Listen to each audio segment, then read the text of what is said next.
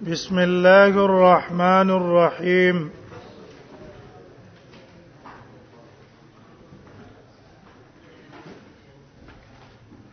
باب باب في وضوء النبي صلى الله عليه وسلم كيف كان باب د بیان د طریقې او د ست نبی صلی الله علیه وسلم کې چې نبی سلام په کومه طریقه او د ست کړه امام ترمذی رحم الله صفه الوضو کې صرف یو حدیث نقل کړي چې دا عمرو ابن یحیی المازنی دی د عبد الله ابن زید نه نقل کړه لیکن امام ابو داود رحمه الله با صفه الوضو د ات صحابه ور نقل کړي عثمان نه د علی نه او د نور صحابهونه دا غوینه به نقل کړي دیو جنا الته تفصیلی طریقه بیان ده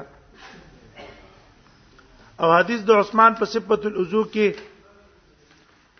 دا ډیر قوي حدیث ته او جامع ده د مسائل الوضو لا ان شاء الله ابو داود کې باغ راځي الته بیانو عبد الله ابن زید وای ان النبي صلی الله علیه وسلم توضا نبی صلی الله علیه وسلم اراده او د سوکړه توضا معنا څه ده اراده اراده د او د سوکړه نو فغسلا ولې چې او د سوکې د به د غسلا معنا خو سې کیږي نه کنه او یا توضا کې اجمال له او فغسل کې تفصیل له فغسل نوینزلو د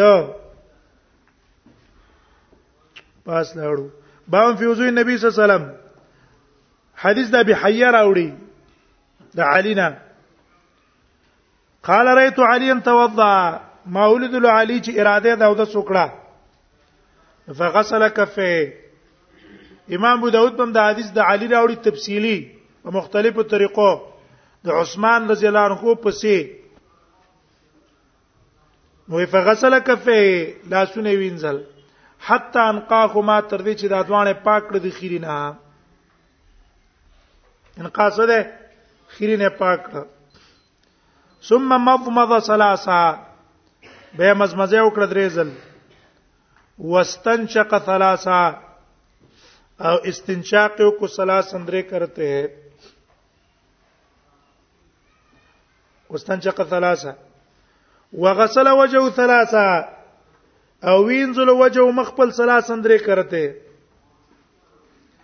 دلته مزمزه نه ذکر کړي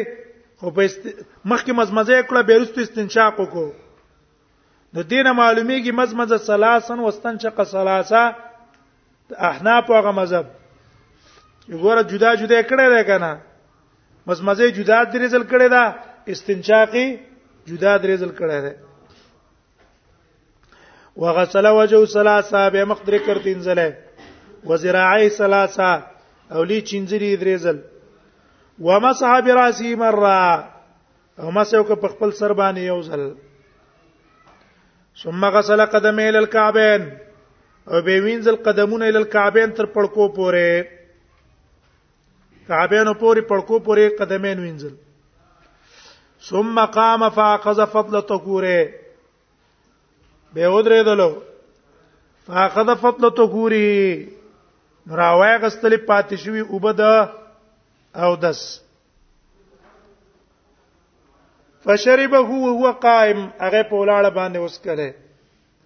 ثم قال بي احببت ان اريكم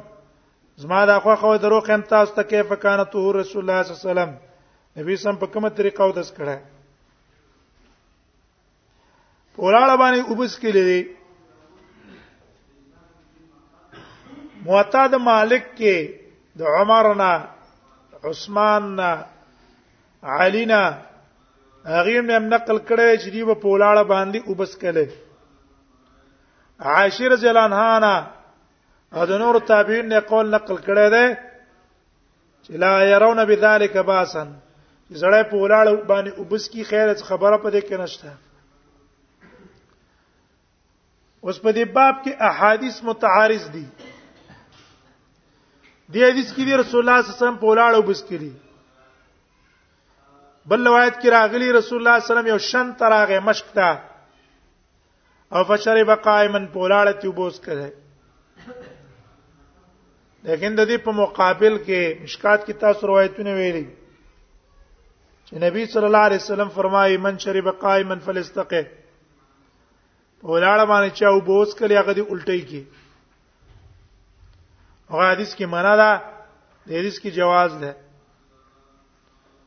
دیوژن علما را لګی دی لري چا خدا قول کړی چې احادیث د نهي منسوخ شوی دي په دې احادیثو د جواز غم اول کې نه یوا بیا رستو اجازه رااله دا ناسخ شو هغه منسوخ شو دویم تطبیق چې هغه راجح ده هغه دا چې احادیث د نهي محمول په کراهت تنزیهی او احادیث د جواز دال په جواز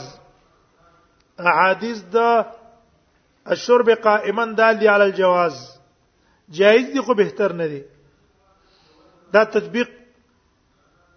حافظ ابن حجر هم غوړه کړه باقي تفصیل به خپل ځای کې ترازی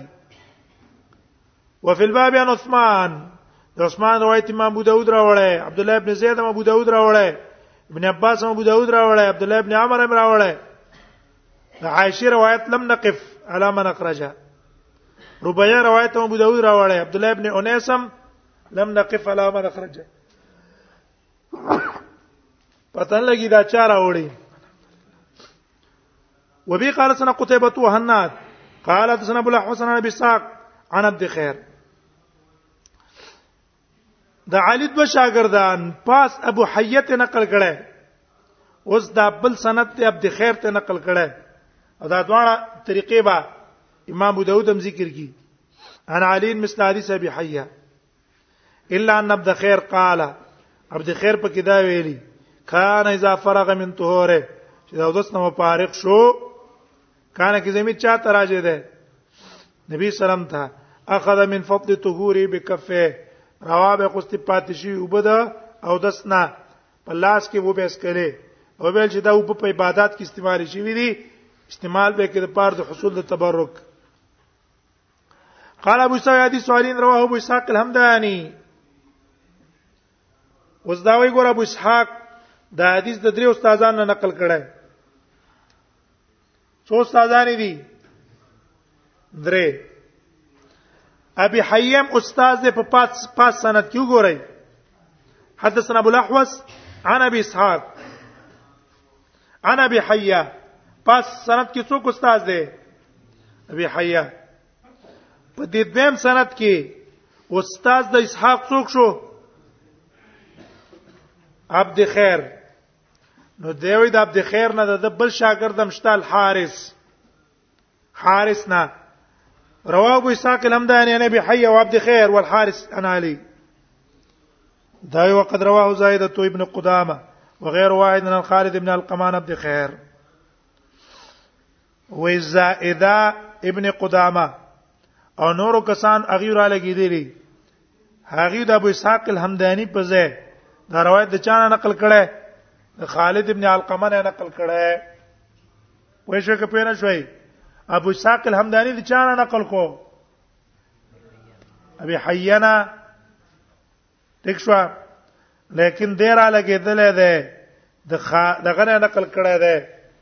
د خالد ابن علقمه نه او خالد ابن علقمه دا روایت نقل کړی د عبد خیر نه د ابو اسحاق په ځای د ابو اسحاق الحمدانی په ځای خالد ابن علقمه ده انا علی او پاس سند کې ابو اسحاق شاګرد څوک هغه کس د ابو اسحاق شاګرد هغه دا ابو اسحاق نه نقل کړو چې ابو الاحوص ته ابو الاحوص نه ابي اسحاق دلته د غره لګیدل زائد ابن قدامه هغه د ابو اسحاق په ځای د خالد ابن القمان عن عبد خیر عن علی حدیث سلوزوی به توله مناغه سند باندې مراغله دوانه ټیک دي واز حدیث حسن صحیح دا حدیث حسن دی صحیح هم دی وسوی شعبه شعبه هغه د دې روایت په نقل کېدو کې خطا شوی دی وروا شعبه هذا الحديث شعبه د حدیث نقل کړی دی د خالد ابن علقمه نه وروا شعبة هذا الحديث عن خالد ابن علقمه فاخطا في اسمه واسم ابي دا خطا شوی دا په نوم کې او اسم ابي او د پلار په نوم کې خطا شوی فقال نو ویل دي مالک ابن عرفطه مالک ابن عرفطه دی ویلي او روان ابي عوانه او دا ابي عوانه یې نقل کړی دی ان خالد ابن القمه عن عبد خير عن علي دا ورو یا نبی عوانه حاصل دا شوه ټول علما اتفاق کوي په دې چې شعبه څه شوه ده دا خطا شوه خالد ابن القمه په ځای څه ویل دی مالک ابن عرفته ویله دا عرفته نه ده دا خالد بن القمه ده او ابي عوانه مرا خطا شوه ده کله خالد بن القمه ویله او کله مالک ابن عرفته ویله وروا وروي انا ابي عوانه او د ابي عوانه هم نقل شوی ده خالد ابن القمه عن عبد خير علي او وروي عن مالک ابن عرفته پوښي په دې زی ابي عوانه کله یو لفظ استعمال کړي کله بل لفظ استعمال کړي دیو جنا چې کله ته ویاله روایت نقل کو عن مالک ابن عرفطه مثل روایت شعبه شاګرد ته ویاله یو استاذه دا خالد ابن علقمه ده مالک ابن عرفطه نه ده هغه تل زما په کتاب کې چې ما د شعبه نه لیکلي دي په دې کې څوک ده خالد ابن علقمه ده خو لیکن شعبه ما ته لفظن څه ویل ده مالک ابن عرفطه ویل نو دیو جن زه د شعبه په څه پسې لاړم ظاهر لا پس پسې لاړم دی و صحیح صحیح خالد ابن علقمه صحیح